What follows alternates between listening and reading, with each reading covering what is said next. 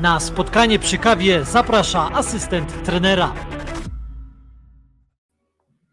Dzień dobry, jesteśmy. Dzień dobry, witamy wszystkich. Dzisiaj moim gościem dr Marcin Kochanowski. Bardzo się cieszę, że znalazłeś czas, żeby w, tym końców, w tą końcówkę roku pojawić się tutaj.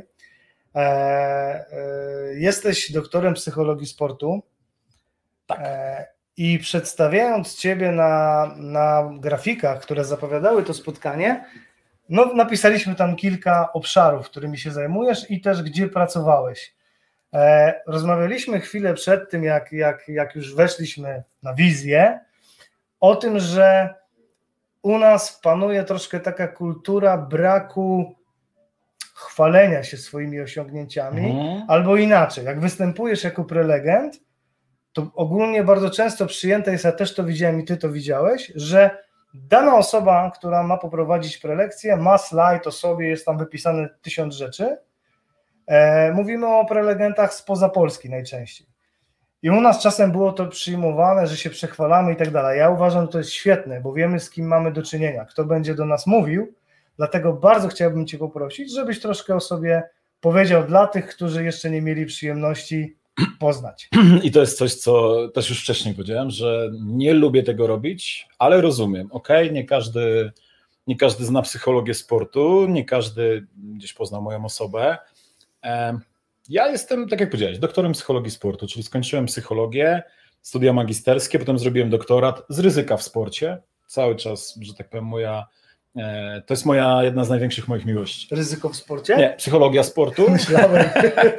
E, aczkolwiek ja badałem ryzyko w piłce ręcznej, czyli w drugiej mojej wielkiej miłości, e, tych takich sportowych, że tak powiem. Ty trochę wyglądasz jak piłkarz ręczny. Tak Bo grałem w piłkę ręczną. No, Dwa razy. Mistrzostwo Polski Uniwersytetów z naprawdę dobrą ekipą. Postaram się być grzeczny, nie będę tutaj cię denerwował. E, piłkarze ręczni. I to też widzisz, zanim pójdziemy. Stereotyp.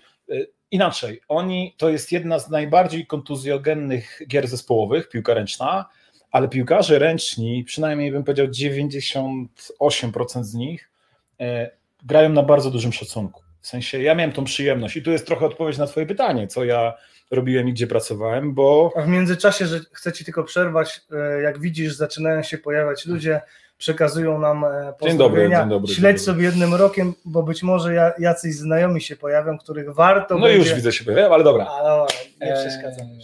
Wracając, gdy, gdy pracowałem z reprezentacją Polski w piłce ręcznej, to tam, e, jak to ktoś powiedział kiedyś, trzeszczały kości częstokro, częstokroć. E, I, I no, gdy rozpędzone ponad 100 kilo zatrzymuje się na drugim 100-kilogramowym facecie, to czasem jest naprawdę no, mocna gra.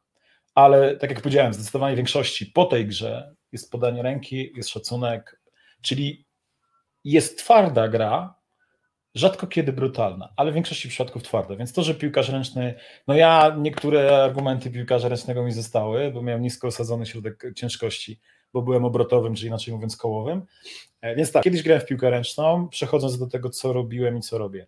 E, Pracowałem z piłkarzami ręcznymi, czyli, czyli te, te czasy Bogdana Wenty, gdy, gdy on prowadził zespół i też byłem e, w sztabie drużyny, która zdobyła wicemistrzostwo świata w Niemczech 2007 rok.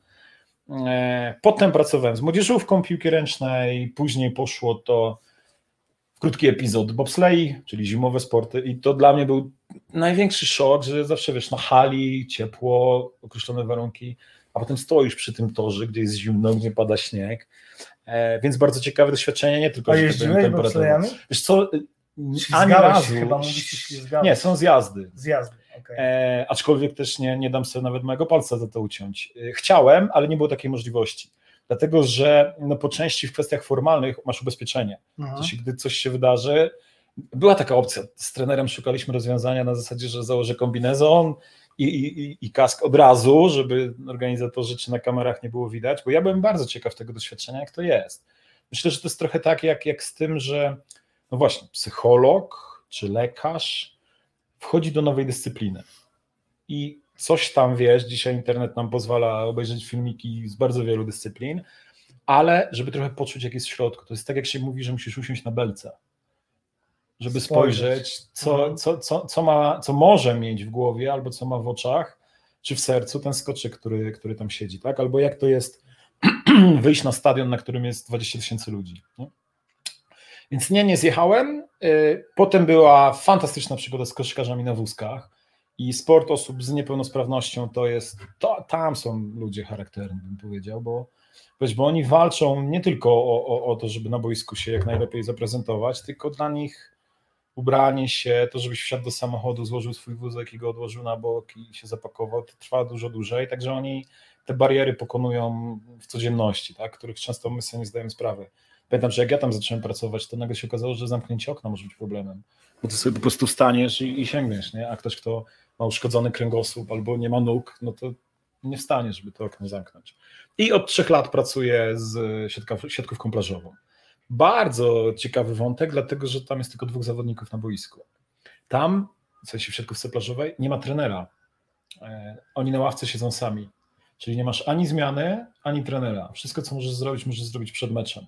Wręcz do tego stopnia, że nie, trener nie może podpowiadać z trybun, tak jak w tenisie jest. Tak, że nie możesz dawać żadnych sygnałów, ani tam krzyczeć nic, nic do tych zawodników. I tam pracuję trzech lat, więc to taka jest ta moja ścieżka. Natomiast szkolenia dla trenerów to jest coś, co uwielbiam robić, bo uwielbiam się dzielić wiedzą i. A dasz się namówić na szkolenie online na, u nas dla trenerów? E, dwa pytania, które ja w takiej sytuacji zadaję. Znaczy, pierwsza odpowiedź jest tak. Drugie pytanie jest e, kiedy i dla kogo? Jak mówię, że dwa pytania, to często ludzie mówią, dobra, to pewnie pieniądze, tak? Pieniądze to jest temat, który jest dodatkiem, bym powiedział, bo one są niezbędne w życiu, ale dla mnie nie są najważniejsze. E, natomiast jeśli znajdziemy termin, szczegóły sobie i powiesz mi, jaka grupa odbiorców, bardzo chętnie podzielę się wiedzą. E, myślę, że warto tą psychologię rozwijać i tu wtrącę coś, co też się pojawiło przed, e, bo tak jak powiedziałeś, chyba Paweł Habrat to zrobił. Bardzo mnie cieszy, że w czasopiśmie, które, które wydajecie, jest ten wątek psychologii sportu, bo no różne źródła mówią o tym, że jeśli mamy podobny sprzęt, jeśli mamy podobną bazę treningu motorycznego czy taktycznego. Dzisiaj możesz podpatrywać najlepszych trenerów na świecie w piłce nożnej, jak trenują. E, to coraz większą różnicę zaczyna robić, albo coraz więcej trenerów, czy zawodników, czy też menadżerów dostrzega, że ten element związany z nastawieniem, z koncentracją, z panowaniem nad emocjami, ten element zespołowości, on będzie robił różnicę, która z tych drużyn będzie odrobinę wyżej. Gdzieś widziałem taką analizę, e, chyba mundialu w Rosji, że różnica, e, zmniejszyła się ilość różnicy między wygranym a przegranym. 20 lat temu to były trzy bramki, czy tam dwie i cztery dziesiąte, a dzisiaj to jest często jedna bramka, która decyduje, czyli gdy na jeden moment stracisz koncentrację, zwłaszcza w piłce nożnej, tak, to możesz, możesz stracić tą bramkę i dalej te szachy i wojna okopowa się toczy i, i, i między wygranym a przegranym jest różnica w jednej decyzji. Więc myślę, że te elementy mentalne będą się rozwijać i super, że w asystencie trenera cały czas to podejmujecie, bo no bo też to jest przebijanie no się wiesz, no Od samego początku nie wyobrażaliśmy sobie, żeby nie było tego aspektu, jak to w jednym z artykułów właśnie między innymi Paweł Habrat, ale i ten Stokowiec i Łukasz Smolarow zauważyli, że ten stół ma cztery nogi i bez tej jednej nogi on może się przewrócić wiem, że jeszcze są rezerwy, jest jeszcze sporo do zrobienia, ale uważam, że bardzo mocno zmieniła się już świadomość. E, zobacz, ile osób nas ogląda. Jest taka pora, kiedy ludzie mogą pracować, a mimo to dziękujemy Wam za to, że, że jesteście super, z nami. Super, że jesteście. Oczywiście zachęcamy Was do tego, żebyście brali udział w tym spotkaniu aktywnie. Nie musicie pić kawy, tak jak Marcin. Wiemy już z zapowiedzi, e, że, że Marcin kawy nie lubi, nie przepada. Możecie bez kawy albo z herbatką, z wodą, wszystko jedno, skorzystać, być z nami, brać I udział pytać. i pytać, ewentualnie się wypowiadać, bo to jest spotkanie przy kawie, więc można wypowiadać też swoje opinie i jakieś swoje doświadczenia, prawda? Zawsze warto się. Zachęcamy, zapraszamy. Uczyć. E, Marcinie, mm, jaki jest Twój główny obszar e, zainteresowań, jeśli chodzi o psychologię sportu? W czym się specjalizujesz? Co, powiedziałbym tak, że jest kilka takich obszarów, natomiast ten, e, który dla mnie jest, jest gdzieś podstawowy, e, to jest budowanie zespołu. I ja czasem mówię, że mam to we krwi, bo jak też rozmawialiśmy na początku, e, grałem w piłkę ręczną kiedyś. A propos brutalności, straciłem zęba na boisku. Ale grałem w piłkę ręczną, grałem wcześniej w siatkówkę, grałem w koszykówkę i śmieję się, że ta zespołowość u mnie była tak duża, że nawet jak biegałem sprinty w szkole średniej, to biegałem w sztafecie 4 razy 100 metrów, więc też zawsze zespół. Więc zespołowość i tak naprawdę w tą zespołowość wpisuje się bardzo mocno komunikacja, bo ja wiem, że zespoł, komunikacja jest jak smar, jak masz tryby w maszynie i one działają i tego smaru zabraknie, to jak mówią górale, dupnie to wszystko. W sensie te tryby się zatrą i to, i to nie wypali. E, I teraz zobacz, tam gdzie ludzie ze sobą nie rozmawiają, tam gdzie myślisz, że wiesz, co ta druga osoba powiedziała, albo wydaje ci się, że wiesz, e, no to z tego się rodzą nieporozumienia, z tego się rodzą błędy, z tego się rodzą reinterpretacje, tudzież różne interpretacje tego, co mówi ta druga osoba. E, więc ten element budowania zespołu komunikacji czy motywacji, co dzisiaj, coś, co dzisiaj E, może dotykać nas wszystkich, zwłaszcza w tych czasach, gdy jesteśmy trochę odcięci od boisk, od, od, od kibicowania czy od grania przed kibicami. Więc ten element motywacji i koncentracji, czyli te cztery obszary. Budowanie zespołu, w tym albo oddzielnie komunikacja, bo, bo, bo zobacz, dla mnie to jest przeogromny obszar tego, jak trener się komunikuje z zawodnikiem, tak? jak, jak często, e, no nie wiem, jeden z prostych przykładów, że, że, że, że na jednym ze szkoleń to zapytałem trenerów, w jakiej pozycji ciała zaczynacie mecz. I paru się zastanowiłem, no kurde, staję, tak. I, I tutaj jedna, że tak powiem, gwiazdka i małym druczkiem. Jeden i ten sam gest może oznaczać różne rzeczy. To, to, to jakby wielu podręczników z komunikacji niewerbalnej nam to powie, ale powszechnie jest, że to jest postawa zamknięta, tak? że się chowasz gdzieś tutaj za, za, za, za gardą podwójną. I teraz, jeśli stoisz w takiej postawie, to pytanie, jaki, to, jaki sygnał od ciebie idzie do zawodników. Tak? To nie znaczy, że każdy teraz musi mieć, nie wiem, rozłożone ręce, czy tam klaskać cały czas, czy, czy dawać takie sygnały, bo też każdy z nas jest inny. I, I z jednej strony są trenerzy, którzy biegają przy ławce, i na przykład Bogdan Wenta miał mokrą koszulkę po meczu, chociaż nie, bieg, nie wbiegał na boisko, więc, więc możesz biegać, możesz być bardzo zaangażowany, możesz być mniej zaangażowany E, natomiast no, te wszystkie elementy grają, czyli trener z zawodnikiem, trener z całym zespołem, trener z rodzicami, jeśli mówimy o zespołach młodzieżowych, trener z sędziami w trakcie meczu. Nie? Jak, jak Twoje komunikaty, jak Twoja postawa wpływa na to, jakie Ty tworzysz relacje. No, relacje może jest duże słowo, tak? ale jaką atmosferę w, w kontekście pracy sędziego, co też, jakie komunikujesz sygnały zawodnikom i werbalnie, i niewerbalnie po błędnej decyzji sędziego, tak? Czy tam nie hamujesz swoich emocji i, i, i, mówisz, co myślisz o tym, o, o, tym człowieku w czarnej koszulce, tak, tak symbolicznie powiem, czy dalej przesuwasz zawodni uwagę zawodników na, na, na to, co będzie za chwilę i, na to, żeby się skupili. Komunikacja trenera z mediami. No, znaczy jedna, jeden element, a już, że tak powiem, wiele wątków się pojawiło i, i, i wielu tematów możemy tu dotknąć. No zobacz, już mamy pierwsze aktywności. Eee, czy zgodzisz się, zgodzi się Pan, E, z tym, że sukces to 90% głowa. Oczywiście kolokwialnie jest to ujęte. Mhm. E, nie wiem, czy 90%, ale, ale wiem, że rośnie. W sensie kilka lat temu, no bo ja jak się zastanowię, to zacząłem pracować jako psycholog w 2006 roku, czyli to jest uh, uh, uh, za chwilę będzie pięt, jubileusz 15-lecie. E, I wiem, że kiedyś Zrobimy to było... jakąś imprezę, jak już będzie można. jak już, ja bardzo chętnie, dzisiaj też rozmawiałem o tym, że wreszcie może się uda nam spotkać twarzą w twarz. Odpowiadając, kiedyś to było 60, 70%, nie wiem czy aż 90, ja bym powiedział, że tak 70-80. To jest ten element, no bo, no bo nawet jak jesteś świetnie taktycznie przygotowany, wiesz co masz zagrać, nawet jak jesteś przygotowany technicznie, w sensie wiesz jak, nie wiem, jak masz ułożyć stopę przy uderzeniu, kondycyjnie, bo możesz biegać po tym boisku od jednej linii, od jednej bramki do drugiej przez cały czas, ale pojawi się ziarno zwątpienia Twojej pewności siebie. Pojawi się rysa na tym, czy na pewno dam radę. To te pozostałe elementy na niewiele się zdadzą. Tak? W sensie będziesz wiedział jak, ale tego nie zrobisz. Braknie ci odwagi, braknie ci pewności siebie, braknie ci szybkości decyzji. To jest coś, co też kiedyś y, przez, tak, tak, pracuję też czasem indywidualnie i przyszedł do mnie bramkarz młody z piłki nożnej, który powiedział, on ma taki, tak, potem wyszło, że to jest trudność decyzyjna. Ma problem z grą na przedpolu, bo jak jest dośrodkowanie, to nie wie, czy ma wyjść i łapać albo piąstkować, czy ma zostać na linii i bronić, gdy już ta piłka dojdzie do, do napastnika. Że tak powiem, w tamtym przypadku przełoży się to na pewność siebie. W sensie, jak był pewny siebie, to obojętnie, którą z tych decyzji podjął, to dalej robił to, co do niego należało. a ten, ta zachwiana pewność siebie sprawiła, że miał Wahał konflikt się. decyzyjny. Mhm. Wahał się, a to wahanie najczęściej nie przynosi nic, nic dobrego, tak? Więc, więc głowa na pewno, nie wiem czy 90, ja bym powiedział, że no z 75, Ale bardzo tak? dużo. Ale, ale ponad połowę, o, tak bym dołożył. Okej, zobacz. e, Pytanie od Maćka Sikorskiego. E, To jest w ogóle ciekawe pytanie. Jestem ciekawy, jak na nie odpowiesz. Czy, w- czy w ogóle jesteś w stanie odpowiedzieć na takie I, pytanie? i, i, I tu mi się nasuwa, nie wiem ilu z trenerów, ilu z Państwa e, zna odpowiedź. Wiesz, jaka jest najczęstsza odpowiedź psychologa? Mm, To zależy. To zależy. I, I teraz, żeby trochę nie usprawiedliwić siebie, ale wytłumaczyć psychologów, to zależy nie dlatego, że nie chce nam się odpowiadać i nie dlatego, że nie znamy odpowiedzi na takie pytanie, tylko że to, w tym to zależy mieści się e, doprecyzowanie pytania.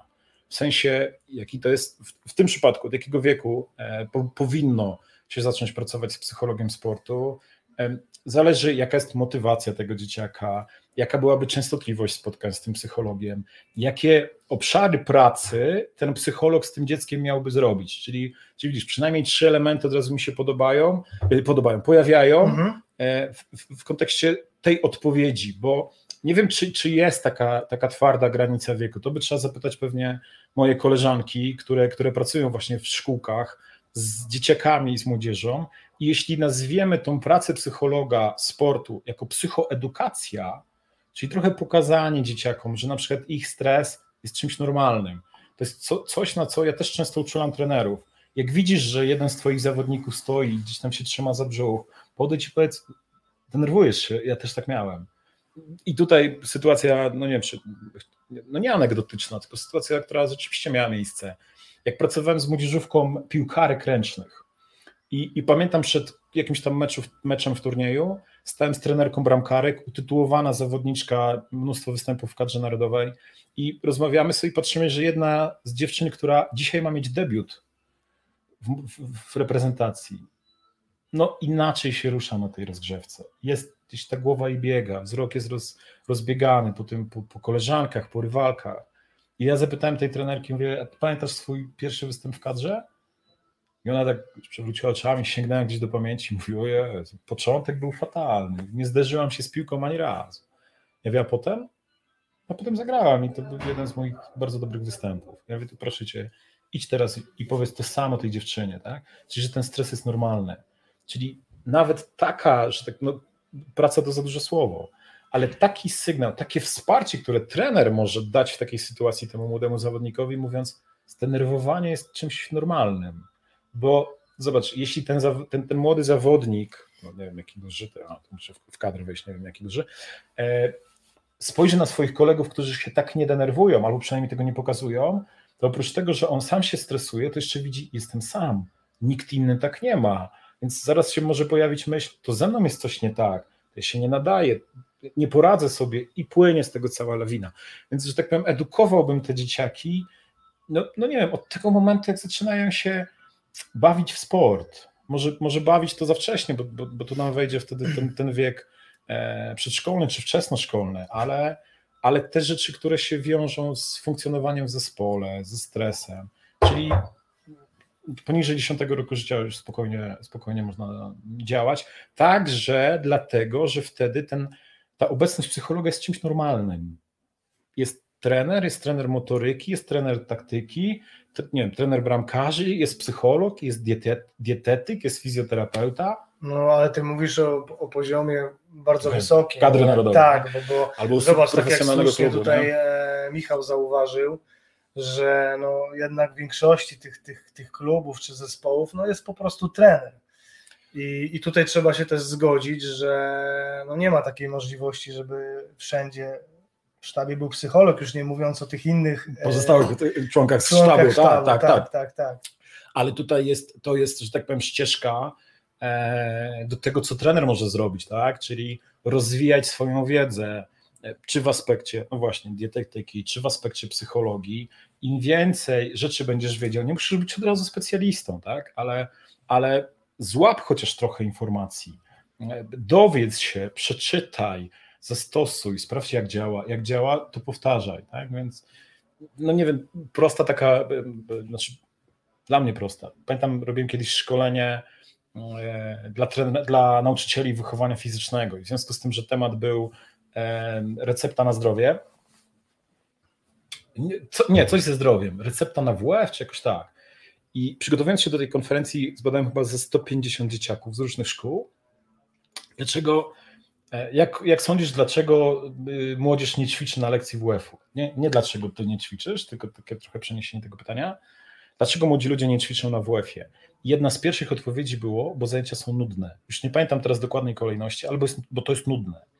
I e, pamiętam, Myślałem, że... że, wpływ, że wpływ kolegów będzie gdzieś tam wysoko na zasadzie, że to jest Wiesz, tam te odpowiedzi były zróżnicowane, bo, bo inne, inna z odpowiedzi była taka, że są nudne. Jakie zajęcia są nudne?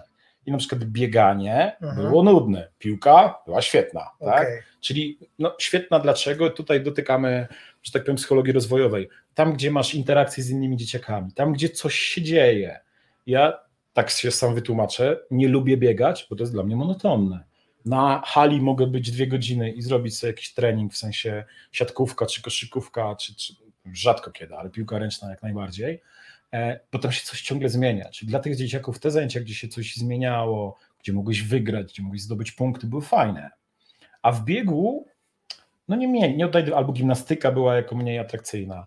Ale wrócę. I na tej konferencji y, mój kolega siedział, też jakby siedział po tej stronie stołu prelegentów. Mówi, jak ja wyszedłem i powiedziałem e, o przyczyny, dlaczego ludzie nie ćwiczą na WF-ie. Powiedziałem, jedna z przyczyn jest to, że zajęcia są prowadzone w sposób nudny, czy, czy są nudne. To on mówi, że jak spojrzał na tych nauczycieli, to było coś takiego. Większość z nich odebrała to personalnie. Okay. Tylko, że moja koncepcja szkolenia czy wykładu jest taka, że jak mówisz, że coś jest w zastanej sytuacji, to nie zostawiaj z tym ludzi, bo o tym wiele osób wie.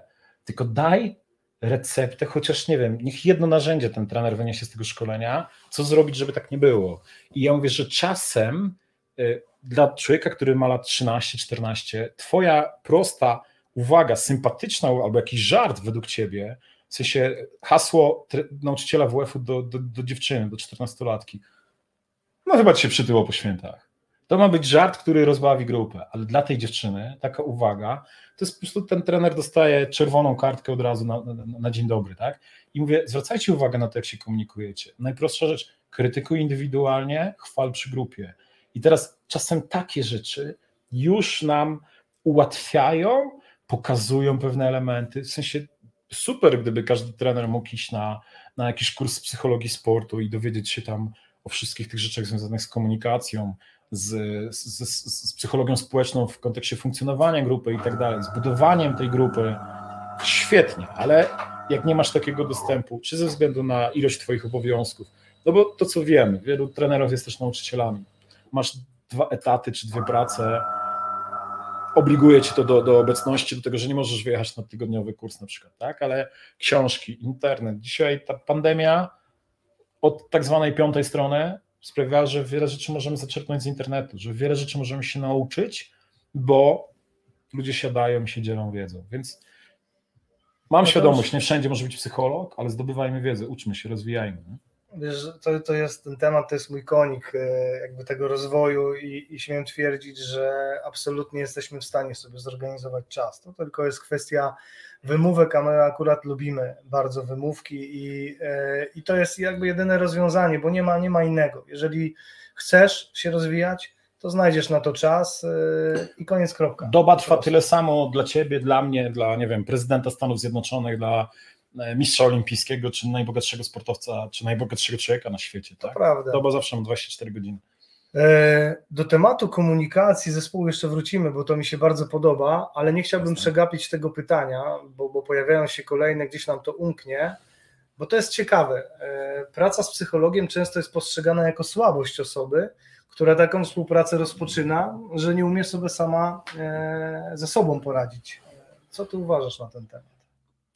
To jest trochę taki stereotyp i tu posłużę się moją historią. Jak przyszedłem do jednej z drużyn i trener mnie wziął na środek i powiedział, to jest Marcin, jest psychologiem, będzie z nami pracował. I tak zwana loża szyderców, wiesz, w ostatnim rzędzie, o, psychiatra przyjechał, tak? Mhm.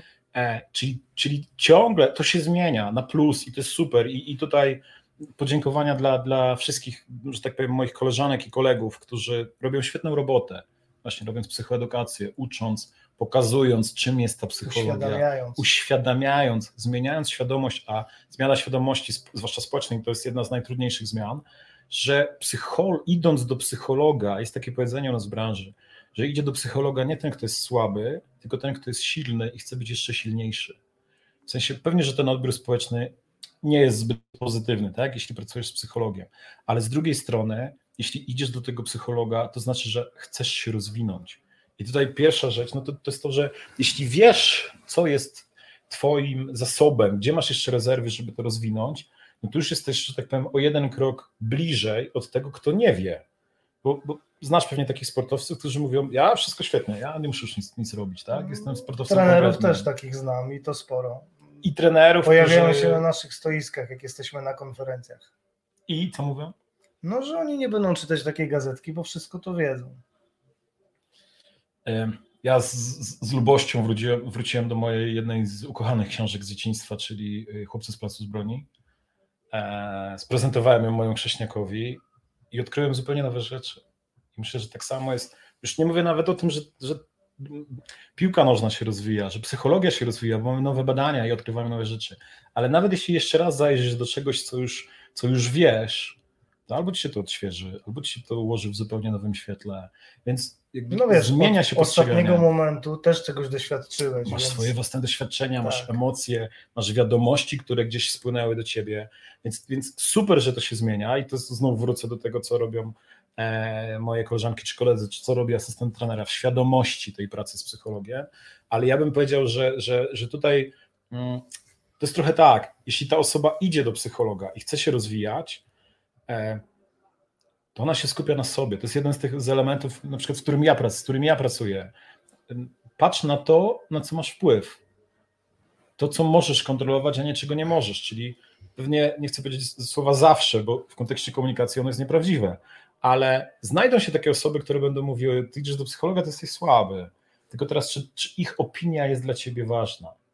Bo jeśli ty wiesz, po co tam idziesz, jeśli wiesz, jaki masz swój cel, być lepszym piłkarzem, to czy takie Czy trenerem. czy trenerem, to gadanie z boku, czy ono ci pomaga, czy, czy, czy ci przeszkadza. Jeśli pomaga, super, w sensie jeśli jest dla ciebie motywacją, albo jeśli jest dla ciebie sygnałem, aha, z tym gościem to w ogóle nie ma, nie ma co dyskutować o merytorycznych rzeczach, bo jak on uważa, że jak się nauczył czegoś, przepraszam, bo to taki przykład, który ja u trenerów usłyszałem, że jak się nauczył czegoś, co mu pozwoliło w 85 zdobyć mistrzostwo województwa i przy tym został, to niech sobie z tym będzie.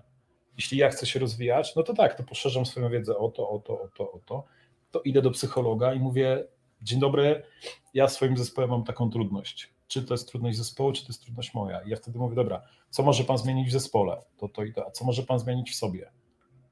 A. Więc dla mnie to, że inne osoby będą to postrzegały jako słabość, to jest ich, ich punkt widzenia. Ważny jest twój, bo ty jakby się budzisz i ty żyjesz z tym, jak widzisz świat. No tak, one nie wiedzą, jaka jest twoja motywacja, y, co ty chcesz osiągnąć i w ogóle co ty przeżywasz, co ty myślisz, więc trzeba to chyba zostawić. Y, Dzięki Pawłowi, który jest stałym y, gościem naszych spotkań, pan trener Paweł Jędrzejewski. Przypominam przy okazji, że nie otrzymaliśmy jeszcze wiadomości, jaki rozmiar koszulki wysłać. W, ostatnim konkursie była wygrana, czekamy na to. E, Zobacz, wracamy do tematu właśnie e, budowania zespołu, ale w taki sposób, zobacz, troszeczkę od drugiej strony, czyli zakończenie współpracy z zawodnikiem, redukcja kadry w piłce młodzieżowej, czy też jest etap, etapem budowania zespołu i na co zwrócić uwagę w takiej sytuacji? No i, i, i znów to, to, to znamienne to zależy. W takim sensie, e, co robi ten zawodnik, który do młodzieżówki, do, do y, pił- piłki seniorskiej, tak? Bo jeśli dobrze rozumiem, e, redukcja kadry w, w piłce młodzieżowej. E, sytuację kogo omawiamy, tak? Czy omawiamy sytuację całego zespołu, czy omawiamy sytuację trenera, czy omawiamy sytuację tego zawodnika, który został no, jakby wyselekcjonowany jako ten, który się nie nadaje. I teraz zacznę od tej trzeciej, czyli od sytuacji zawodnika. Pamiętny przykład w mojej ukochanej piłce ręcznej, gdzie Karol Bielecki, o którym no może nie wszyscy, ale, ale pewnie niektórzy słyszeli, czyli jeden z najlepszych piłkarzy ręcznych na świecie, o najsilniejszym rzucie, rzucał piłką, jak niektórzy kopią, tak? czyli 130 km. E, podobno jego rzuty osiągały. E, Karol Bielecki, jak startował do szkoły mistrzostwa sportowego, to mu powiedzieli, że się nie nadaje do piłki ręcznej. Zmotywowało go to do jeszcze lepszej pracy i poszedł chyba rok czy dwa lata później do klubu ekstraligowego, tak byśmy powiedzieli, czy ekstraklasowego, do, do tej najwyższej ligi rozgrywkowej i tam świetnie się rozwinął, poszedł do zagranicznej ligi, potem był podstawą czy trzonem kadry narodowej, stracił oko, okropna tragedia i wrócił dalej do grania i zdobył medal mistrza świata. Został królem strzelców na igrzyska bez jednego oka, tak? Ale na którymś etapie ktoś mu powiedział, nie nadajesz. Jego to tylko jeszcze bardziej zmotywowało do jeszcze lepszej pracy.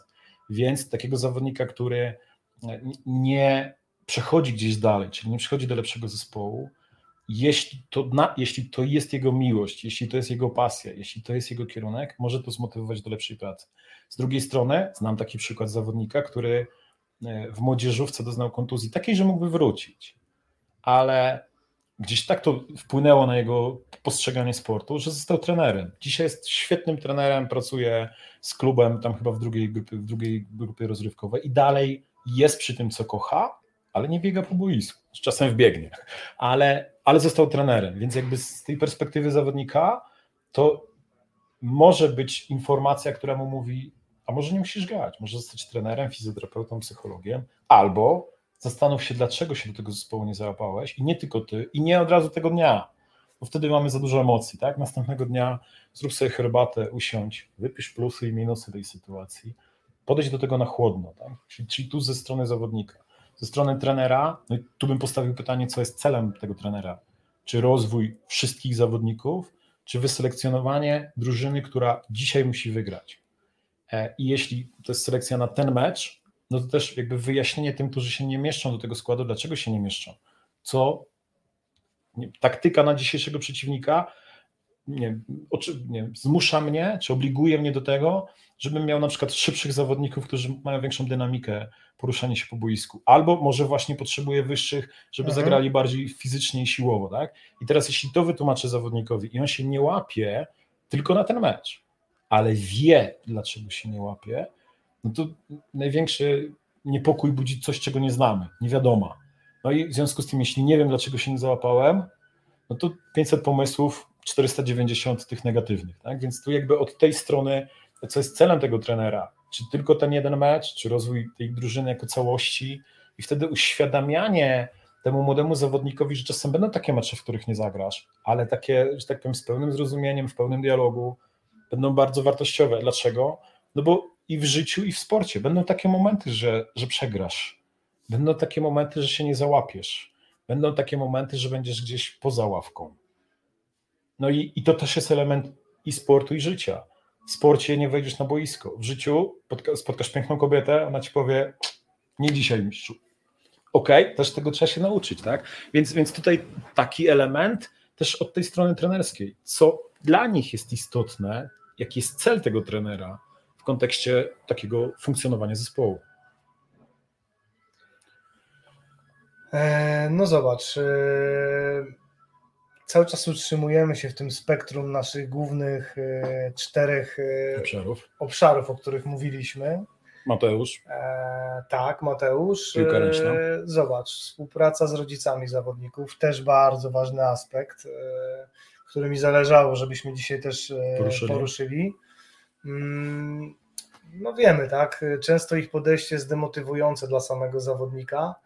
No i pytanie, czy ty jako psycholog współpracujesz z rodzicami, bo mnie się wydaje, że to chyba jednak trener bardziej w przypadku tych młodzieżowych e, zespołów, no bo seniorskich nie, tutaj raczej nie mówimy. No bo tam są ludzie dorośli, gdzie ci rodzice są no, elementem, tak. ale nie tak istotnym jak, jak ta triada e, zawodnik, trener, rodzic. No bo, no bo pamiętajmy też, tak trochę rozszerzę wątek, że ten jak każdy człowiek żyje w jakimś kontekście społecznym, tak ten młody zawodnik żyje w kontekście szkolnym, w kontekście rodzinnym czy domowym. E, I ja bym powiedział tak, jeśli trener ma z nimi rozmawiać, z nimi, czyli z rodzicami, to bardzo chętnie ja bym na przykład z takim trenerem usiadł i porozmawiał. W sensie podpowiedział mu, na co może zwrócić uwagę, bo energia rodziców jest przydatna, bo rodzice mogą pomagać budować zespół. Tutaj przykład, który ja też od, od dawna podaję, bo to jest przykład z mojego klubu, do którego ja należałem jako, jako młody zawodnik, w sensie grałem w moich rodzinnych poddębicach piłkę ręczną. Na początku sezonu trenerzy y, robili takie spotkanie, gdzie tłumaczyli wszystkim rodzicom, mówili tak, wtedy będziemy mieć obóz, czyli ktoś tam, kto miał trudniejszą sytuację, mógł sobie na to odłożyć pieniądze. Pamiętać o tym, że te pieniądze będą przydatne. Gramy o takie i takie stawki, że na przykład powiedzieli świetną moim zdaniem rzecz, jeśli wasz syn ma problem z lekcjami, to nam o tym powiedzcie. Bo nasz trener pracuje jako nauczyciel WF-u w tej szkole. To nie chodzi o to, że on tam panią Krysię zbajerzy i ona wstawi trzy piątki temu chłopakowi, ale zapyta się, dlaczego są te jedynki? Czy to było jego nieuważanie, czy on naprawdę się nie nauczył? Jak się nie nauczył, to jak można mu pomóc? A może się okaże, że nasz skrzydłowy albo nasz bramkarz jest świetny z matematyki, oni sobie przyjdą 20 minut przed treningiem, powie mu parę rzeczy, opowie mu, jako zespół się zbudujemy, jeszcze pomożemy temu, temu chłopakowi. Więc absolutnie tutaj ten element współpracy z rodzicami jest potrzebny. To, co jakby Mateusz tam napisał, że ci rodzice czasem demotywują. Ja bym powiedział tak, że często ta ich demotywacja jest z dobrej intencji, wbrew pozorom. Czyli chcą czegoś dobrego dla dziecka. Oczywiście, że mamy dwa bieguny. Jedni mówią, sport jest dodatkiem, ty się masz uczyć, bo, no bo ze sportu nie wyżyjesz, tak? I, i, i tam to jest tylko rozrywka, to sobie tam pobiegaj, albo, albo, albo będziesz szczuplejszy, będziesz dobrze wyglądał, tak? Więc ćwicz. A z drugiej strony mamy takich rodziców, którzy jeśli ich dziecko dobrze zagra na etapie, nie wiem, 12 lat, to już widzą, że to będzie następny Lewandowski albo Messi, albo, albo właśnie Karol Bielecki, czy, czy, czy, czy Bartosz Kurek, tak? I jednych i drugich rodziców warto, że tak powiem, wykorzystać to złe słowo, ale zagospodarować, o, może w ten sposób. Tak, żeby popracować z nimi i pokazać, twoje, twoja presja nie, niekoniecznie pomaga twojemu dziecku, bo buduje w nim y, niemożliwe czy, czy, czy nie, trudne do osiągnięcia y, zaspokojenie twoich oczekiwań. Nawet wychodząc poza sport. Chcę, żeby moi rodzice byli dumni ze mnie chcę, żeby mój tata powiedział, tak, to jest mój syn. Tak? Więc robię różne takie rzeczy, które czasem wręcz są ponad moje siły. Jak będę tak pchany, to się zamęczę. To, to przykład takiego rodzica nadmiernie oczekującego, to, to jest w książce Open Andrea Agassi napisał. Gość, który, ja nie jestem fanem tenisa, ale wiem, że on był światową jedynką. Doszedł na sam szczyt, potem spadł chyba poza setkę i znowu doszedł na szczyt. Ale jak Agassi był jeszcze w brzuchu twojej mamy, to jego ojciec stwierdził, że to będzie najlepszy tenisista na świecie wiesz, nie znając warunków psychomotorycznych czy fizycznych tego dziecka, ma być najlepszym tenisistą. I od, od, dziecka go tam cisnął, szkolił. A tam dalej będziemy mieli podobne, bo już sobie podejrzałem, okay. będziemy mieli podobne zagadnienie, to do niego wrócimy. Dobra, to wiesz, wrócimy. Tak, wiesz dlaczego tak bardzo mi zależało na poruszeniu tego wątku e, współpracy z rodzicami? Dlaczego? Zna, znane ci jest nazwisko doktora Łukasza Bojkowskiego? Tak jest, mój były student, dzisiaj również doktor. Współpracujemy albo za chwilę będziemy współpracować, to chyba nie tajemnica, jeśli ruszy podyplomówka studiów psychologii sportu na AWF-ie w Poznaniu. Więc no więc właśnie, ja już troszeczkę pozwól, że, że troszkę takiej autoreklamy, bo to też jest dobry moment na to. E, we współpracy z doktorem Łukaszem właśnie przygotowaliśmy taki poradniczek e, dla rodziców i trenerów. Dlaczego ja to pokazuję? dlatego, bo bardzo mi zależy, żeby ta książka dotarła do, do rodziców. To jest w interesie moim zdaniem trenerów, bo Jasne. tak jak powiedziałeś, edukować i wykorzystać, zagospodarować rodzica, żeby on pomagał, a nie przeszkadzał. Bo często to przeszkadzanie rodziców jest nieświadome. Oni chcą dobrze. Tak, każdy rodzic chce dobrze dla swojego, swojego dziecka. dziecka. Dokładnie. Tu jest 10 to kiedyś się nazywało przykazań, ale zmieniliśmy Dekalog. to na tak, na zasady. 10 zasad jak wspierać. Bardzo prostych cienka 60 stron. E, chcę Was poprosić, bo po nowym roku będziemy już ruszać z, ze sprzedażą tej książeczki, ale przede wszystkim z taką kampanią, żebyście nam pomogli dotrzeć do, do rodziców szczegóły e, po nowym roku. Marcinie, e, przeskoczymy teraz na to pytanko, o którym Ci wspomniałem, żebyśmy nie zgubili wątku. Zobacz. Indywidualne podejście do treningu, na przykład Sona z Tottenhamu, który przyznaje, że to właśnie presja ze strony ojca i setki godzin monotonnych treningów sprawiły, że dziś jest profesjonalnym piłkarzem. Troszkę coś Aha. podobnego jak e, Agassi. Agassi. e, w kontekście psychologii rozwoju dziecka, relacji z rodzicami, właśnie tej monotonii, monotonii o której wspominałeś. Możemy jeszcze coś na ten temat e, powiedzieć? Możemy powiedzieć, bo ta presja, ja bym powiedział tak, i, i ta książka Agassiego mi pokazała, że ta presja sprawiła, że on dotarł do światowej jedynki, czyli był najlepszy na świecie. Ale on w pierwszym rozdziale swojej książki pisze: Nienawidzę tenisa. I dla mnie to był taki szok, jak możesz być w czymś najlepszy i nienawidzieć tego. I e, Agassi pisze o tej książce, i to też wywołało wielką sensację, e, że brał narkotyki na przykład, że sobie nie radził z wieloma rzeczami, że miał problem z plecami, że miał problem jakby z taką równowagą, że tak bardzo chciał temu ojcu dorównać. To jest ten przykład, o którym chciałem powiedzieć, a, a, a mnie powstrzymałeś, że on chyba bodajże jako 17-latek wygrał Wimbledon i zadzwonił do Stanów, do ojca i drżącym głosem mówi, tato, wygrałem Wimbledon. A co ojciec mu odpowiedział, no ale drugiego seta nie musiałeś przegrywać. Czyli wiesz, taka ciągła presja sprawia, że nigdy, no nie wiem, bo ja staram się nie używać tego słowa, ale że nie jesteś w stanie zaspokoić tych ambicji ojca, bo ciągle będzie coś, bo jak zdobędziesz złoty medal, to, to ktoś przyjdzie i ci powie, no ale czas nie był najlepszy, tak? Jak wygrasz mecz, to ci powie, no ale, ale straciłeś jedną bramkę, tak? Albo, albo strzeliłeś tylko jedną. Więc ta ciągła presja, ok, może doprowadzić gdzieś tam do tego wysokiego pułapu, tylko pytanie też jest jakim kosztem. Idąc do tego, e, do, do, do przykładu tego, tego gościa, tego trenera, presja ze strony ojca i setki godzin monotonnych treningów sprawiły, że dziś jest profesjonalnym piłkarzem. Pytanie, czy to mu daje prawdziwą satysfakcję i radość. Wiesz co, musimy chyba tutaj też pamiętać o pewnych takich, e, nie wiem jak to nazwać, czy społecznych, czy mentalnych cechach danego narodu. E, być może akurat w Korei, no bo wiem od, od, od trenerów, którzy, czy od trenera na przykład Marka Zuba, który pracował mhm. w Chinach, że tam zupełnie inne podejście zawodników, właśnie takie żołnierskie. Podporządkowane. Podporządko I być może jemu to pasowało i być może właśnie dzięki temu jest tu, gdzie jest, bo akurat w tamtej kulturze to było niezbędne, żeby go popchnąć e, w tą stronę, więc tak jak ja wspomniałeś, bym, no, to zależy, prawda, od oczywiście, wielu okoliczności. Bo, bo, bo też często jest tak, że mamy jakieś zawahanie, w sensie ja jako młody zawodnik mam zawahanie i trochę mi się nie chce, trochę chcę odejść i nie chodzi o to, żeby teraz to od razu zmieniamy dyscyplinę, tylko tak, żeby wesprzeć tego dzieciaka, żeby go popchnąć, żeby go jeszcze utrzymać, tak? Żeby poszukać, dlaczego on się znudził tą dyscypliną. Czy dlatego, że nie wiem, jest obóz i treningi są cięższe, czy dlatego, że się nie załapał do składu.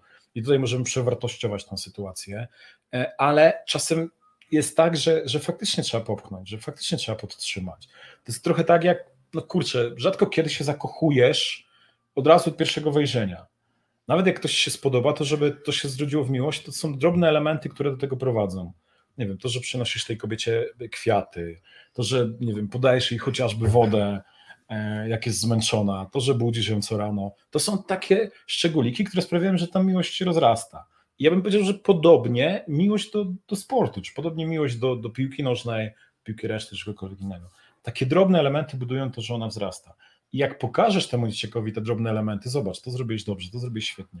Nie chciało ci się zrobić trening. Mój trener, w sensie trener y, kadry siatkarzy plażowych, z którym pracuję, powiedział kiedyś zawodnikowi, wiesz co mnie cieszy dzisiaj w treningu? Że w połowie już miałeś dość. I, i rok temu byś ten trening odpuścił. W sensie zrobił go, ale tak byleby zrobić, nie? A dzisiaj zrobiłeś świetny trening. Co było świetne?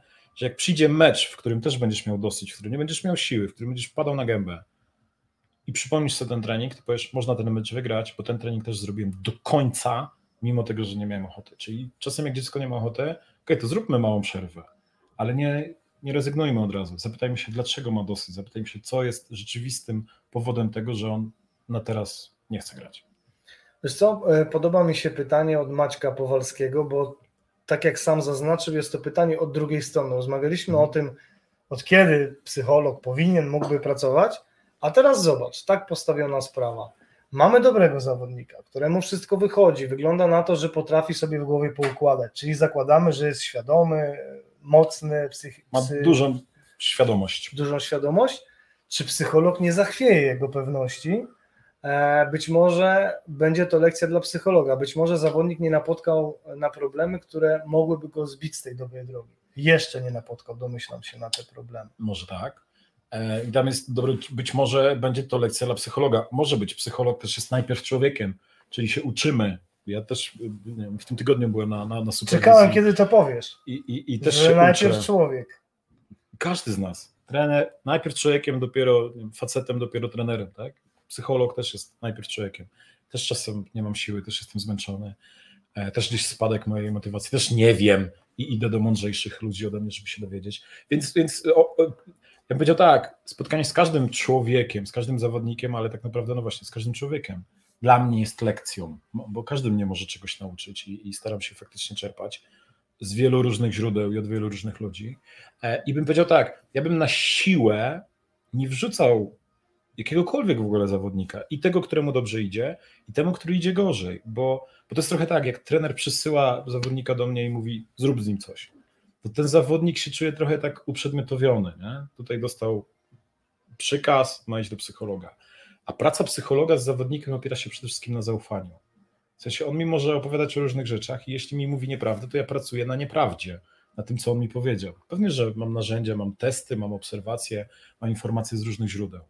E, ale jeśli to jest zawodnik, który sobie świetnie radzi, to ja bym powiedział tak, ja bym go spotkał z psychologiem po to, żeby mu powiedzieć, e, jeśli będziesz potrzebował wsparcia, to możemy znaleźć nowe rozwiązania. Albo jeśli będziesz chciał się utrzymać na tym pułapie, albo jeśli się pojawią problemy, z którymi ty sobie e, nie będziesz mógł radzić, bo trochę jak to jest tak, jeśli wszystko wychodzi na to i super, że tam się pojawiło u pana Macieja, wygląda na to, bo to też często jest złudne, to, to jest tak jak ludzie sukcesu, ktoś patrzy z boku i mówi, wow, oni mają wszystko, a ci ludzie sukcesu siedzą zamknięci w złotej klatce i mówią, mam tego dosyć. Ronnie O'Sullivan, chyba kilkukrotny już, nie wiem, czy nie sześciokrotny, czy czterokrotny mistrz świata e, w snookerze, powiedział, co z tego, że w penthouse'ie, najwyższym piętrze hotelu przyjechałem na turniej, jak ja tam siedzę i płaczę.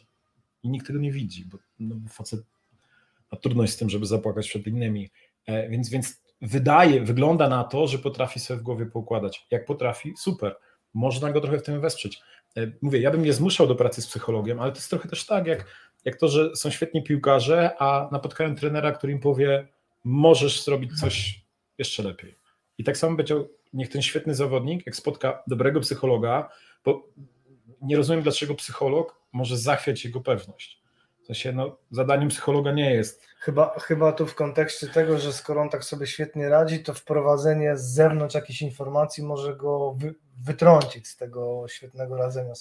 Ja tak okay, rozumiem. No, ja tak pewnie, chyba, że, chyba, że to jest to odniesienie do tego, o czym, co, co wcześniej się pojawiło to pytanie, czyli e, jeśli inni zobaczą, że on idzie do psychologa, to przyczepią mu etykietkę, a, skończył się świetny zawodnik, a, a sobie teraz nie radzi, tak? Więc no, Ale to już dzisiaj powiedziałeś, nie? że tak naprawdę do psychologa idzie ten, który jest dobry, a chce być jeszcze lepszy. Dokładnie. I, w, takim kontekście, i w takim kontekście no dlaczego on ma nie, nie pracować również z psychologiem? Wiesz co, tutaj jeszcze chciałbym wrócić do, e, do, do tego, e, oj przepraszam, e, to, to, to się było pojawiło. następne, tak, to było o tutaj, żeby kontynuować tę dyskusję. Nie wiem, czy ja źle zrozumiałem wtedy tamto pytanie, że Son jest w przeciwieństwie do Agassiego czy Williams przykładem pozytywnym. Eee, aha, w tym sensie, że chyba Son jest szczęśliwy. A, że jest szczęśliwy. No z, to, tego, z tego, co robi. To, to, to chwała Panu i aleluja. Ale generalnie warto rozwijać dzieci ale... harmonijnie, bez nadmiernej presji oczekiwań. No to jest tak, e, absolutnie z tym się zgodzimy, tak? Że, że, że tak. rozwijajmy je harmonijnie, bo są najpierw ludźmi, a dopiero potem piłkarzami. E, to jest ciekawe zagadnienie. Zobacz, e, po meczu usłyszałem od Orlika, graliśmy dobrze, bo to był sparring. E, jak tłumaczyć, że każdy mecz jest taki sam? Zawsze powtarzam, że mecz ligowy, sparingowy czy gra właściwa na koniec treningu to takie samo granie. Rozumiem, że to trener usłyszał od zawodników. Tak.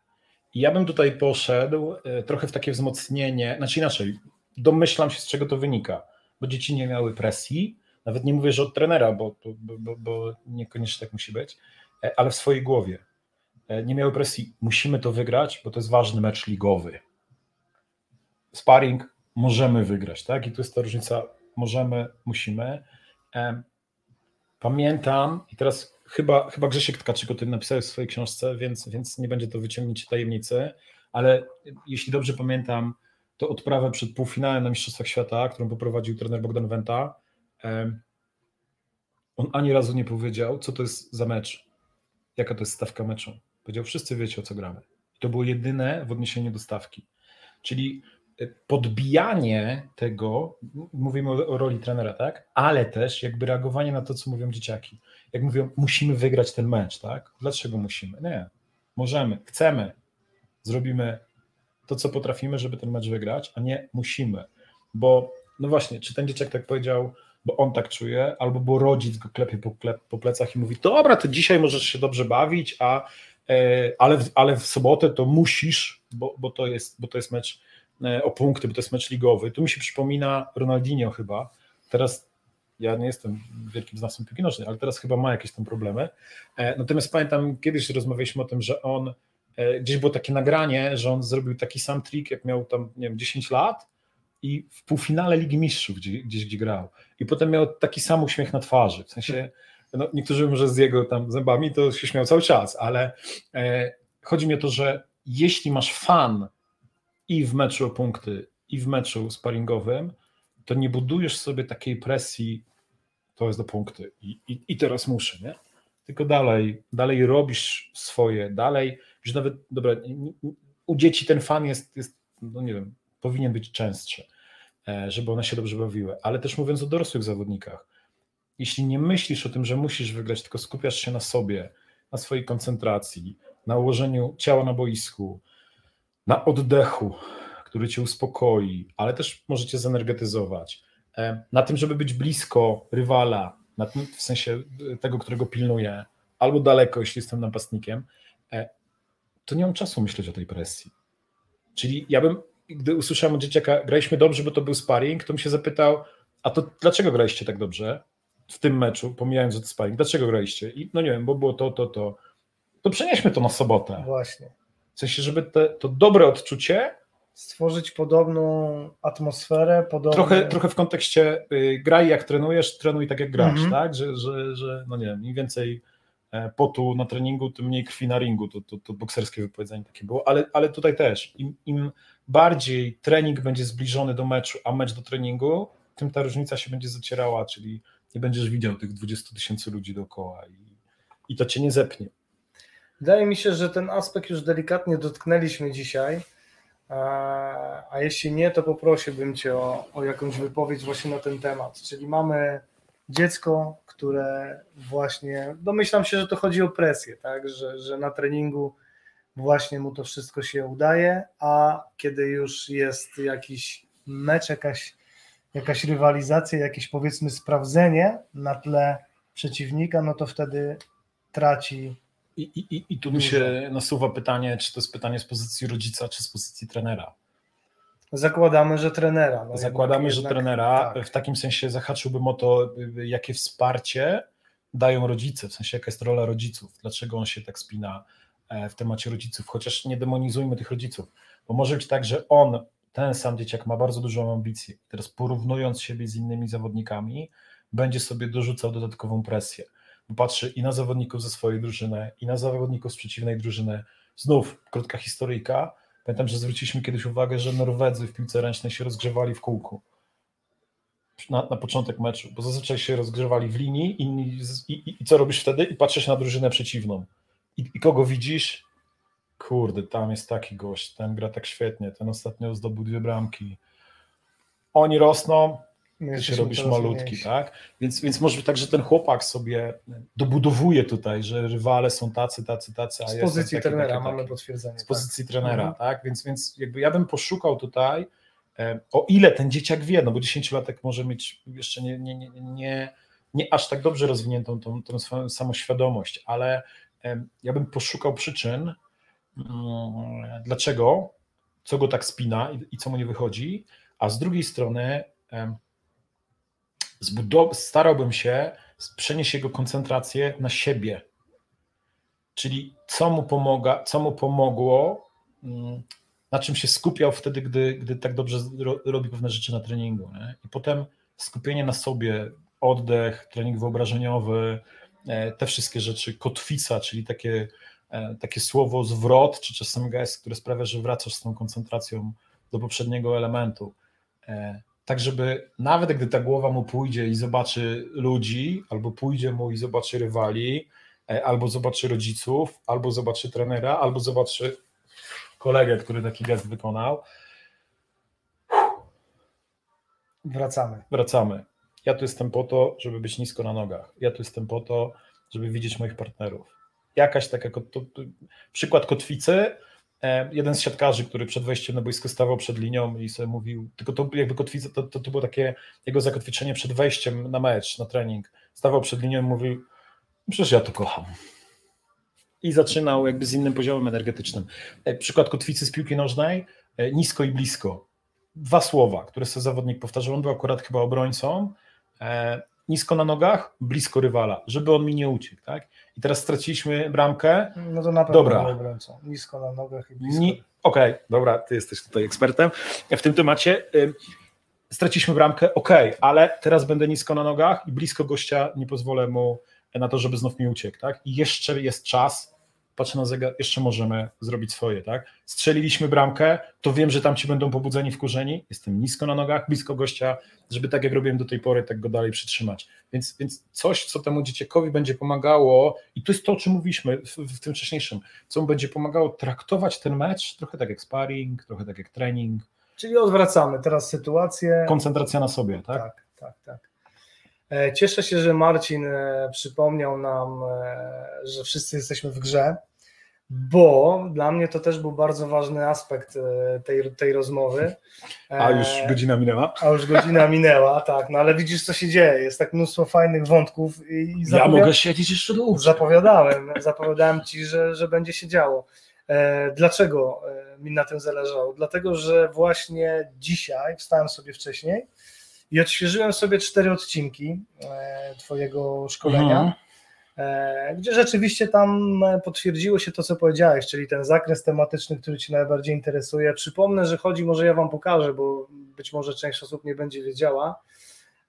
Chodzi nam o, o to, o portal w grze, który, na którym znajdziecie na którym znajdziecie między innymi właśnie e, szkolenie mm, Marcina, budowanie zespołu w sporcie. E, Zachęcamy serdecznie, jeżeli ktoś jest zainteresowany taką wiedzą, o której my dzisiaj rozmawiamy, naprawdę, naprawdę warto. E, Jest 10 odcinków plus dodatkowe wprowadzające I zakończy podsumowanie. i no. podsumowanie, tak. Znajdziecie, znajdziecie to tutaj. Naprawdę, naprawdę warto. Jak już dzisiaj rozmawiamy, jak widać, jest ogromne zainteresowanie e, tą tematyką e, i chyba warto się doskonalić w tym, e, w tym zakresie. Wracamy do naszej dyskusji. Warto. Bo tak bym powiedział, warto i też jakby tam te szkolenia no były, no nie chcę powiedzieć, że przełomowe, ale dla mnie to była świetna zabawa, też to do, dobra praca z profesjonalistami i informacje, jakie dostaje ostatnio trenerka futsalu chyba mnie zaczepiła. Ja to pan jest tym psychologiem. Ja gdzieś sam trenowałem, mówię, no tak, o co chodzi? No, bardzo przydatne szkolenie. Czekam, kiedy będą następne, więc, więc jakby e, informacja zwrotna od trenerów już, idzie, już, że, już że, że niebawem warto. pojawią się, pojawią się tak, kolejne. zachęcamy, zapraszamy. e, Jesteśmy, jesteśmy partnerem, pozdrawiamy Łukasza Panfila serdecznie, świetny pomysł i, i brawo, że, Super, że to doprowadził do skutku. to prawda, a na pewno to bardzo dużo kosztowało i nie mam na myśli tylko finansów, ale, ale wszelkich Zasobów. zasobów, tak. Zobacz, e, często rodzice tra- straszą dzieci, masz karę i nie pójdziesz na trening. Mieliśmy kilka takich przykładów. e, My próbujemy wytłumaczyć rodzicom, że to złe podejście. Nieraz dziecko po rozmowie z trenerem na przykład podciągnęło się w szkole. No to jest to, co już wcześniej powiedziałeś. Prawda? Mhm. Jeżeli jest problem, to przyjdź do trenera, porozmawiaj z nim, a nie zakazuj dziecku przychodzić na trening. Ale też słyszałem świetny argument ze strony trenerów do rodziców, tak? Czyli jakby jakieś tam spotkanie z rodzicami, to ci trenerzy powiedzieli: nie każcie swojego dziecka brakiem udziału w treningu przez to, że ma słabe stopnie, bo każecie w ten sposób 10 innych dzieciaków i nas jako trenerów. Bo my nie możemy zrealizować treningu, który wniesie coś tam do naszej gry. Czyli też jakby takie uświadomienie tym rodzicom, jesteście elementem zespołu. Wasz syn, wasza córka są elementem naszego zespołu. Jeśli ma trudności, jako ten zespół, będziemy szukać rozwiązań. Ale takie zero-jedynkowe, słabe oceny, nie idziesz na trening, ok, rozumiem, że to jest takie karanie przez zabieranie tego, co lubimy, e, ale każesz w ten sposób też wiele, wiele innych osób, wiele innych dzieciaków, e, trenerów, wkład ich pracy i tak dalej, i tak. Więc, więc tutaj bym uświadamiał tym rodzicom, że, że no nie wiem, rozwijamy te elementy, które będą pomagać dziecku się uczyć, czy wyjaśniamy, czy właśnie szukamy kogoś, kto, kto, kto w tej matematyce, fizyce czy chemii siedzi zdecydowanie lepiej. Pomagamy mu zorganizować przestrzeń chociażby do nauki, tak, żeby w tym internecie nie, nie ginęło zamiast się uczyć, ale zabieranie treningu, ostatnio chyba nawet w książce Łukasza Panfila i Matyldy Olek Stępień Sportu czy życia. Sportu czy życia jest coś, co, co gdzieś ja dawno czułem, a tam jako ewidentne potwierdzenie, że, że badania pokazują, że dzieciaki, które trenują, są lepiej rozwijają się intelektualnie. Czyli ten stereotyp, że jak sportowiec to, to nie przeczytał żadnej książki, jest, jest, jest fałszywy, e, bo faktycznie rozwój intelektualny idzie w parze z rozwojem takim motorycznym czy fizycznym. Mamy tutaj, e, mamy tutaj takie zagadnienie mm, presja czy motywacja. E, spotkałem się z sytuacją, kiedy chłopcy prosili dodatkowe minuty. Staram się dawać tyle samo każdemu. Prośba wynikała z chęci wygrania zakładu z mamą o to, czy strzeli gola. E, myślę, że to też może iść dalej i takie zakłady, bo, bo sam byłem świadkiem, polegają na tym, że jak dzisiaj strzelisz, to ci coś kupimy, albo na takiej, na takiej zasadzie. I wtedy ten młody zawodnik na wszelką cenę, widzisz, prosi trenera, trener, że mi pozwoli jeszcze wejść, chociaż to mają ustalone, że Jakiś każdy tak, mniej mhm. więcej gra podobnie. No, presja czy motywacja? Ja bym powiedział, że jeśli mogę tak, bo staram się zawsze dyplomatycznie, znaczy nie znam dokładnie przykładu, więc powiem z mojego wyobrażenia o tym przykładzie, e, jaka to jest motywacja. E, dostaniesz nagrodę za wynik. Czyli jeśli strzelisz gola, to coś ci kupię. Jeśli nie strzelisz gola, to ci nie kupię, w sensie nie nagradzam cię. Moim zdaniem, i to no właśnie też jest odniesienie do, do, do, do książki Łukasza i Matyldy, rozwijajmy motywację wewnętrzną dzieciaków. Jeśli ten młody zawodnik będzie chciał strzelać gole, dlatego że za to dostaje coś od mamy, to nie jest dobrze to tak idąc bardzo skrajną po bandzie czarną wizją, to, to w życiu będzie robił tylko te rzeczy, które będą miały dla niego wartość, no nie chcę powiedzieć materialną, ale jakąś taką wymierną. Wymierną, wymierną nagrodę, tak? Awans. Yy, Bo premia. wiesz, czasem, czasem ta niematerialna też może być wymierna, prawda? Ale tutaj ewidentnie chyba zostanie ukierunkowany właśnie na to takie. Jest wynik, jest nagroda, tak? I, i, i, i odejdę, mówię znów bardzo szeroko, to trochę tak, że kocham swoje dziecko, jeśli wygra konkurs. Jak zdobędzie medal, to je kocham, jak nie zdobędzie, to, to go nie kocham, tak? Nie mówię, że ta pani aż tak skrajnie ma, kupując mu e, czy, czy, czy, czy, czy, czy chęć wygrania zakładu, bo, bo może to być tak, że my idziemy za szeroko. Mama napisała, znaczy człowiek napisał, że wy, wy, zakład, zakład, tak. Z uśmiechem. Z uśmiechem. Dobra, to zakładam się, że dzisiaj strzelisz. I on i, i, i bardzo chce, a, a my tutaj zdemonizowaliśmy może mamę, no, może. E, a może nie musi być tak źle, więc, więc mm, pewnie, że czasem jest presja, a, a może to jest ta dobra motywacja, tak? Ja w ciebie wierzę. Zakładamy się. No to prawda, wszystko jest kwestia podejścia. No, psychologia, tak? To, to zależy. zależy. No, Okej, okay, to teraz jeśli psychologia, to wchodzimy mocniej. Domyślam się, że pani Klaudia e, to jest e, może nawet pani psycholog e, bo jak czytam pytanie, no to jest, jest dosyć takie mocno merytoryczne, tak bym powiedział.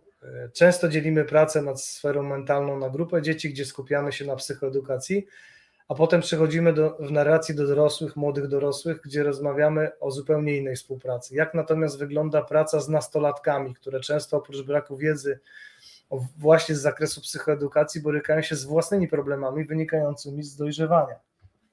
I tu jest ten element, że nie możemy oddzielić sportowca od człowieka, bo jeśli ten młody człowiek, ten nastolatek ma swoje własne problemy pod tytułem jutro klasówka, swoje własne problemy pod tytułem ta dziewczyna mnie zostawiła, swoje własne problemy, niestety dzisiaj w temacie na przykład rodzice się rozwodzą, e, i to są, że tak powiem, te kwestie, które dość mocno też ich dotykają i rozwijają, albo swoje własne problemy, i to też jakby z mojego doświadczenia, czy moja dziewczyna jest, czy nie jest w ciąży. E, no to, że tak powiem, ten element człowieczeństwa jest na tyle silny, że nie możemy go oddzielić, być dobra, to zapomnij teraz o tym, wejdź i, i graj, tak? Czy, czy gdzieś tam taki element, no to biegaj po tym boisku, bo tam to nie jest ważne. Kurde, najważniejsze w życiu.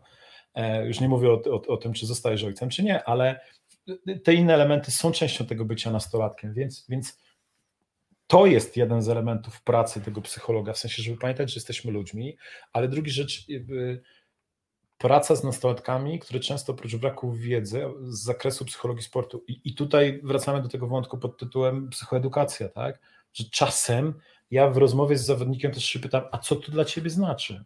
Bo użyję takiego kolokwializmu, ale wyświech, wyświechtane hasło pod tytułem motywacja może znaczyć coś zupełnie innego dla ciebie, dla mnie, dla, zawod, dla dziesięciu zawodników, którzy przed nami siedzą, bo jeden będzie ją postrzegał jako utrzymanie aktywności, w sensie wytrwałość w dążeniu do celu, inny będzie ją postrzegał jako wykonanie tego pierwszego kroku, ktoś jeszcze do tego garnuszka motywacji wrzuci obecność innych osób, czy tę motywację społeczną, albo to, że, te inne osoby mu przeszkadzają.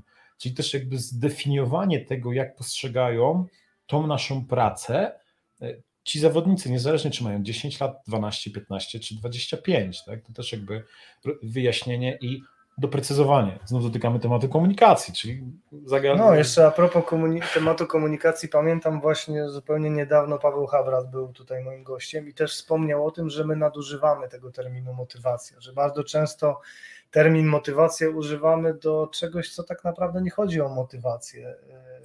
Czasem to, co nie wiem, spicze motywacyjne, tak? A to jest tylko pobudzenie.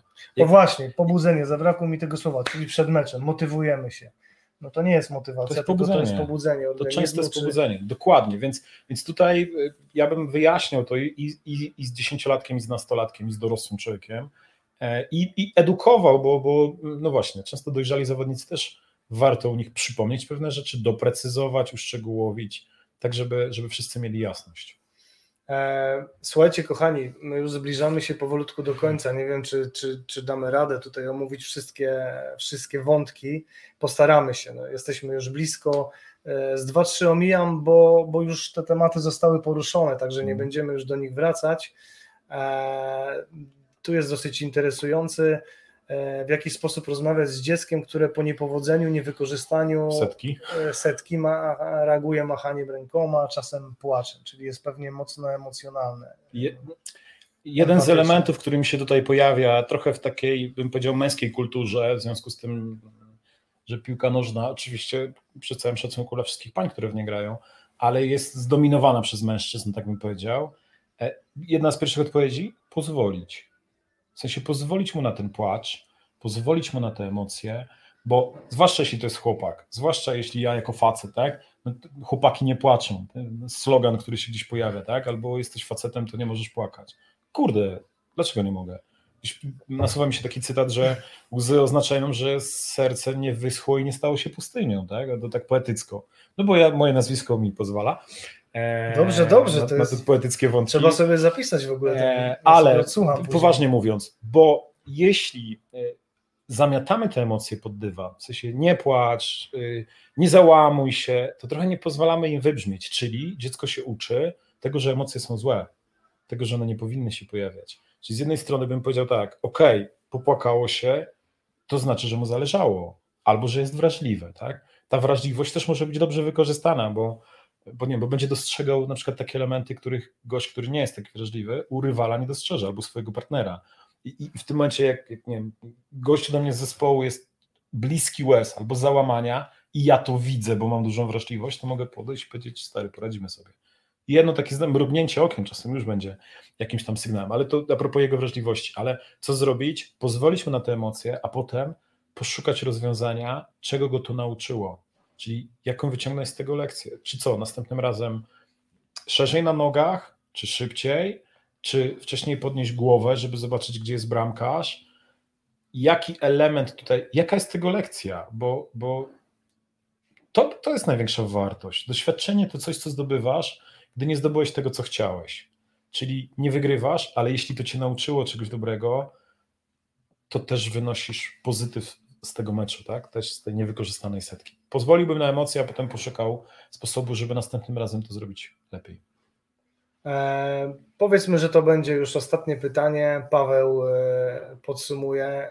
Bardzo ciekawy wątek, który szalenie interesuje trenerów. Jak wiesz, to jest moja branża, ja to, ja to śledzę mocno i ogromne dyskusje wzbudza ta reforma. E, jak widzisz, ostatnio PZPN zaproponował reformę rozgrywek dziecięcych, długo oczekiwaną. Mhm. E, brak tabel, brak wyników, brak presji. Co Co pan myślę? sądzi na ten temat? Chodzi oczywiście o piłkę dziecięco-młodzieżową, tam jest bodajże do 11 czy 12 roku życia, e, gdzie wiemy, że w niektórych, czy może nawet w wielu krajach europejskich e, tak już jest od, od, od iluś tam lat, bo u nas to rodziło tą chorą presję tak Mhm. naprawdę, właśnie tą wynikomanię plus ten słynny core, czyli no jeżeli była ta tabela, no to wszyscy musicie być pierwsi, tak? I, i, i teraz jakie jest zdanie pana doktora psychologa? Nie znam dokładnie tej reformy, nie znam jej szczegółów, więc, więc nie wiem, czy się tutaj dobrze wypowiem, ale ja bym powiedział tak. mm, Tu, tu wracamy do pytania, co jest celem pracy z dziewięcioletnim zawodnikiem? Czy uczynienie z niego mistrza dziewięciolatków, czy uczynienie z niego, i tu może się niektórym narażę, ale uczynienie z niego e, aktywnego człowieka? Bo takich pewnie będzie 80% z tych ludzi, z tych dziewięciolatków, które dzisiaj grają w piłkę. Chyba więcej nawet.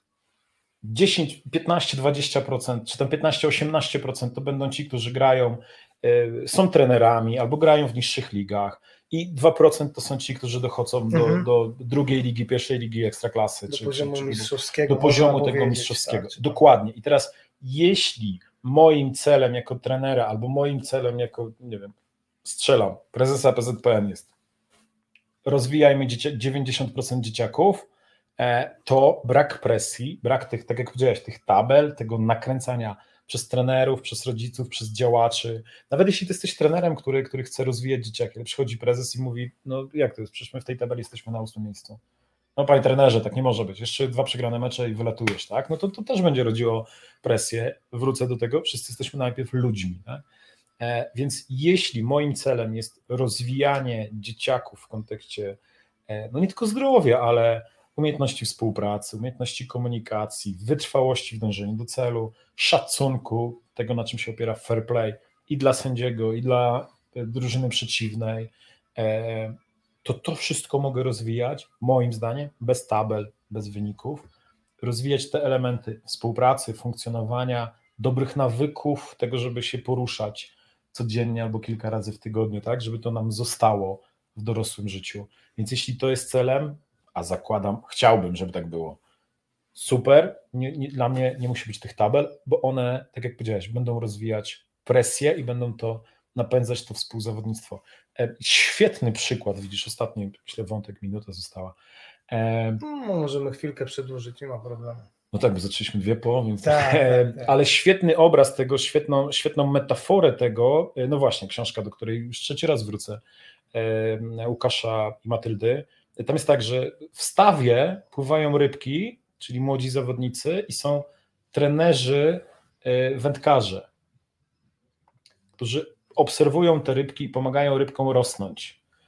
A później są trenerzy skauci, czyli wędkarze skauci, którzy przychodzą i wyciągają Wyciągają. rybki z z, Mhm. ze stawu do akwarium.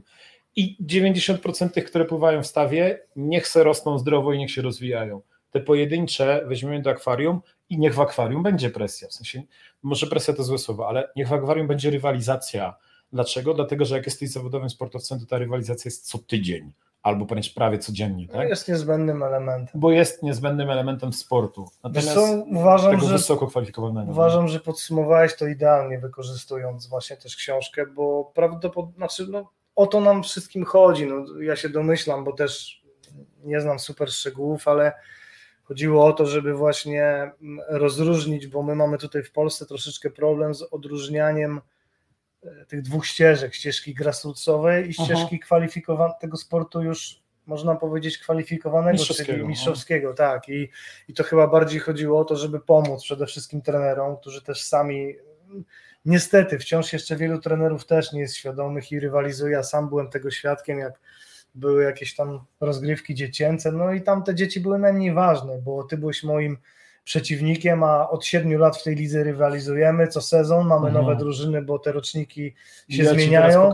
i w tamtym roku mnie ograłeś trzy razy. Ja tobie teraz pokażę i ja się pytam, panie trenerze, no ale kadra meczowa jest 12 zawodników. I Ja wziąłem 15, bo trenuję Mhm. 30 i rotowałem No ich, tak. żeby oni mogli te, te dzieci grać, a on wziął siedmiu. Wy nie macie dwunastu? Nie, mamy, ale tamci to się nie nadają. Wziąłem tylko tych, którzy mi gwarantują, e, a to były dziesięciolatkowie? Gwarantowali mu poziom sportowy. I, i, to, i, a w jednej grupie, bo, bo tam były mecze tak, że grałeś trzema e, rocznikami po kolei. To była sobota, zaczynaj najmłodsi, Mhm. średni, najstarsi. W jednej grupie nie miał w ogóle drużyny. No bo słabsi są. W tym roku ten rocznik ma słabszy, więc w ogóle ich nie zgłosił. I to jest I gdzie te dzieciaki mają się uczyć wytrwałości, I radzenia właśnie. sobie z przegraną, bo to też jest element, e, nie chcę powiedzieć, że prawdziwego, ale to też jest element sportowca, który, który kształtuje swój charakter. Przegrywasz, czego ci to nauczyło? Robert Korzeniowski szedł z trasy na igrzyskach, znaczy, przepraszam, zdyskwalifikowano go w Barcelonie, gdy wchodził w tunel przy stadionie, jakby przeszedł dookoła pobieżni, to zdobyłby medal. Tam go zdyskwalifikowali. Powiedział, w Barcelonie nie zamknęło się dla mnie niebo, zobaczyłem, gdzie jest furtka. Tak się skupił na poprawie techniki wykonania chodu sportowego, żeby żaden najbardziej upierdliwy sędzia się do niego nie przyczepił. Cztery lata później zdobył złoto na 20 i na 50 kilometrów. Nie chcę powiedzieć, że dlatego, że go wyrzucili z trasy, ale przegrana, jeśli ci czegoś uczy, to się rozwijasz. Przegrywasz, stajesz się lepszy. Wygrywasz, się stajesz lepszy, tak? Ale jeśli przegraną dobrze przeanalizujesz i przepracujesz, to może ona cię wznieść na wyższy poziom. Zawodnika, trenera, człowieka, psychologa. Bardzo dziękuję. Kapitalne Dla mnie spotkanie. przyjemność. E, Dziękujemy Wam, że, e, że byliście z nami. E, W związku z tym, że to, mm, że to już ostatnie spotkanie w tym roku, no to przy okazji życzymy lepszego 2021 roku, może bardziej normalnego. Ja bym powiedział tak, że, że, że więcej spokoju i więcej odwagi w tym 2020 i nie chodzi mi o żadne chodzenie w taki czy inny sposób, ale takiej świadomości, że, że, że w każdej sytuacji można szukać rozwiązań. Więc jakby takiej odwagi do życia w tym 2021 i oby był lepszy niż ten, który się kończy po prostu. Dziękuję. Chciałem tylko jeszcze na koniec powiedzieć, że tak naprawdę y, tych wątków pojawiło się tak dużo. Mogliśmy jeszcze porozmawiać o mnóstwie rzeczy. W związku z tym, że wiem, że nie masz daleko, przynajmniej na razie, do naszej redakcji, to pozwolę sobie za jakiś czas wystosować ponowne zaproszenie. Mam nadzieję, że, że skorzystasz. Porozmawiamy sobie wtedy o zupełnie innych.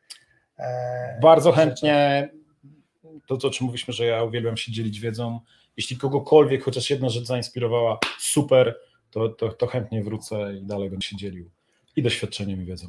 Bardzo Wam dziękujemy, że byliście z nami. Życzymy Wam wszystkiego dobrego, życzymy Wam rozwoju osobistego, otwartej głowy.